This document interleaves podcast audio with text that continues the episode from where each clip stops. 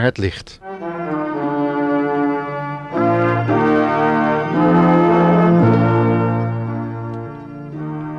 Het familieprogramma van de Stichting Adulam in Curaçao voor geestelijke groei. Het thema voor vandaag is Vrede vanuit Jeruzalem.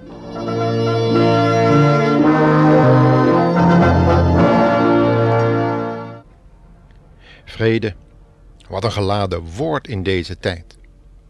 Ja, met het kerstfeest zingen we er graag over en herinneren we ons dat er ooit eens sprake is geweest van een kribbe in een stal en een kleine baby in doeken gewonden. Een baby die ooit eens koning van de hele wereld zou moeten worden. Hij zou de vrede op aarde brengen. Maar waar is die vrede momenteel? Is die er inmiddels gekomen, na 2000 jaar christenheid en kerstfeest vieren? We leven in een tijd dat de New Age-bewegingen zich opmaken om het christendom te vervangen door een gemengde Oosterse filosofie, waarvan Paulus het volgende had gezegd in zijn brief aan de gelovigen in Kolosse, hoofdstuk 2, vers 8. Luister maar eens. Wees altijd op uw hoede.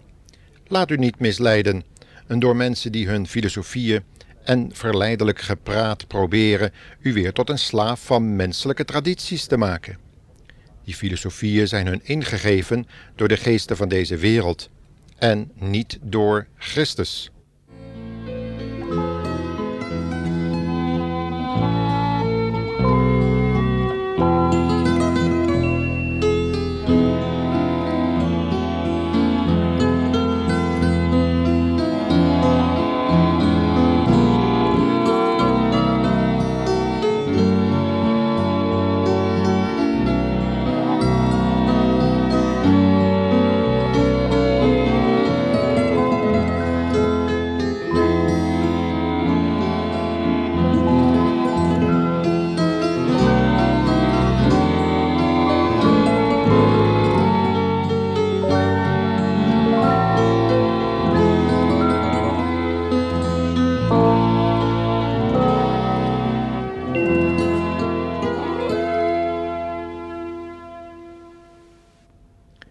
Duidelijke taal, nietwaar?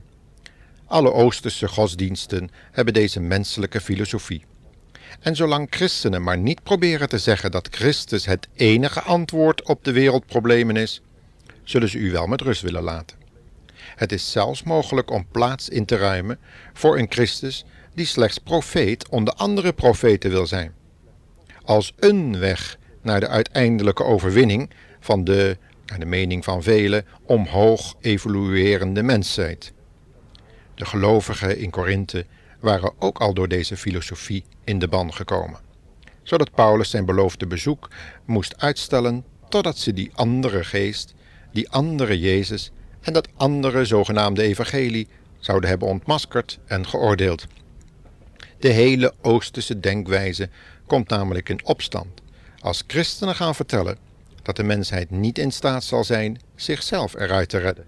Ook niet met de tegenwoordig losgemaakte krachten van de ziel.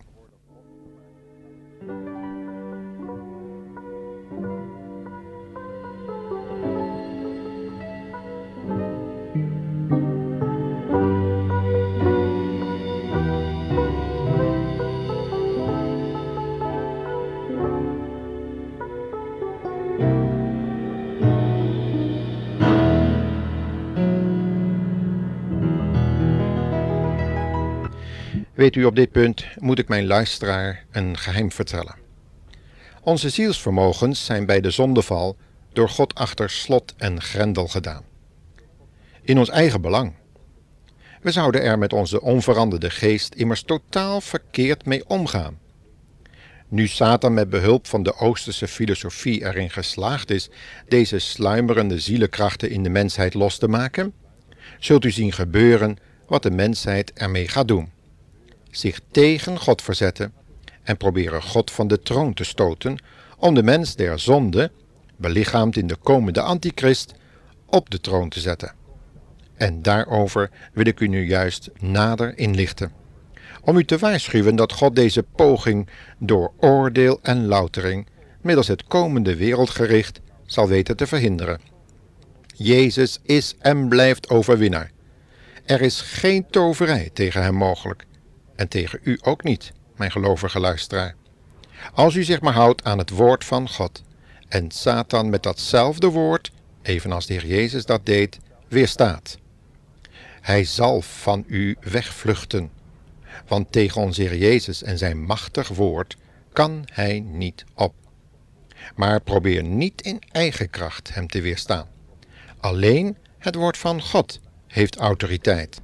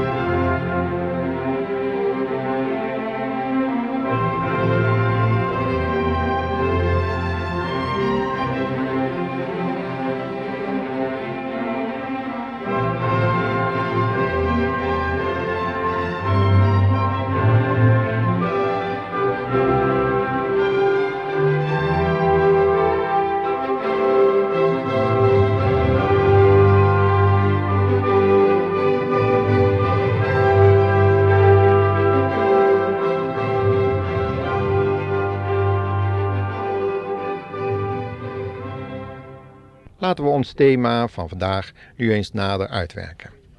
En wel door Micha 4, vers 1 tot 7 met elkaar te bestuderen. In de laatste dagen zal de berg Sion met de tempel van de Heere de bekendste berg ter wereld zijn. Alle gelovigen zullen hoog van haar opgeven. Mensen uit alle volken zullen daarheen een pelgrimstocht maken. Kom, zullen zij zeggen, laten wij naar de berg van de Heere gaan, om de tempel van de God van Israël te bezoeken. Hij zal ons leren hoe wij moeten leven en wij zullen hem gehoorzamen. Prachtige woorden om te lezen. Maar zijn ze voor u eigenlijk al werkelijkheid geworden? Hoe zit dat met al die mensen die tegenwoordig als toerist of pelgrim naar Jeruzalem gaan? Doen ze dat om God te aanbidden en van Hem onderwijs te ontvangen? Waar is die tempel dan, waar de profeten over spreken? En waar is het dagelijks brandoffer, wat voor deze eredienst nu eenmaal nodig is? Tja, de Bijbel zegt dat er geen vergeving mogelijk is zonder bloedstorting. Maar laten we ons oog van al die tegenwoordige pelgrims nu maar afwenden, want dat is vaak alleen maar commercie. En laten we terugkeren naar de woorden van de profeet Micha, die vervolgt. Want in die tijd zal de Heere vanuit Jeruzalem de hele wereld regeren. Vandaar zal hij zijn wetten uitvaardigen en zijn woord bekendmaken. Hij zal recht spreken tussen vele volken en machtige, ver weggelegen naties terechtwijzen. Met de huidige golfcrisis en de wereldwijde spanning daaromheen lijkt deze profetie nog verre toekomst. Zeker als we de profeet Micha moeten geloven, wanneer hij er ook nog het volgende bijvoegt oorlogstuig zal worden omgebouwd tot landbouwwerktuigen. Geen enkel volk zal nog een ander volk aanvallen, want alle oorlogen zullen verleden tijd zijn. Niemand zal meer worden opgeleid tot soldaat of officier. Iedereen zal rustig in de schaduw van zijn eigen huis zitten, in vrede en welvaart. Want er is niemand meer die hen opschrikt. Dit heeft de Heere van de hemelse legers beloofd. Daarom zullen wij de Heer onze God voor altijd volgen, ook al aanbiddende volken rondom ons afgoden.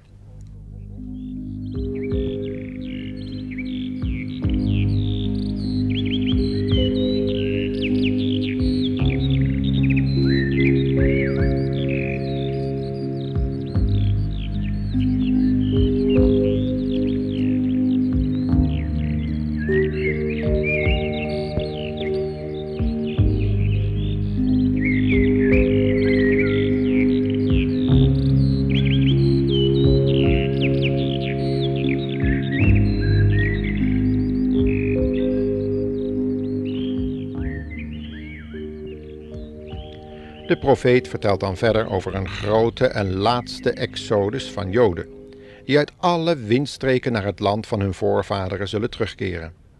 Iets wat we nu in de nieuwsuitzendingen al dagelijks kunnen volgen. Toen de eenvoudige boerenfamilies vanuit het hoge noorden van Rusland voor het eerst vliegtuigen zagen, die hen naar Israël zouden brengen, waren ze in het geheel niet bevreesd. Tot grote verbazing van de mensen die hun vervoer moesten regelen.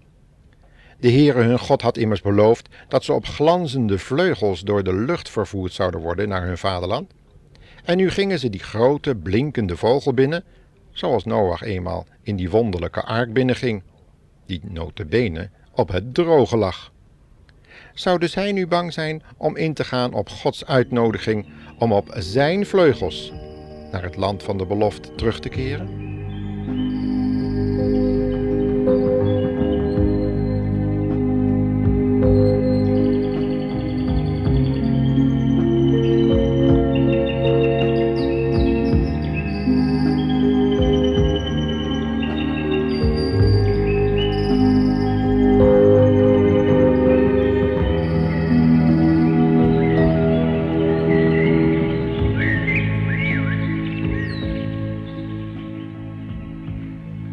Kunnen van dit eenvoudige en kinderlijke geloof heel wat leren, luisteraar.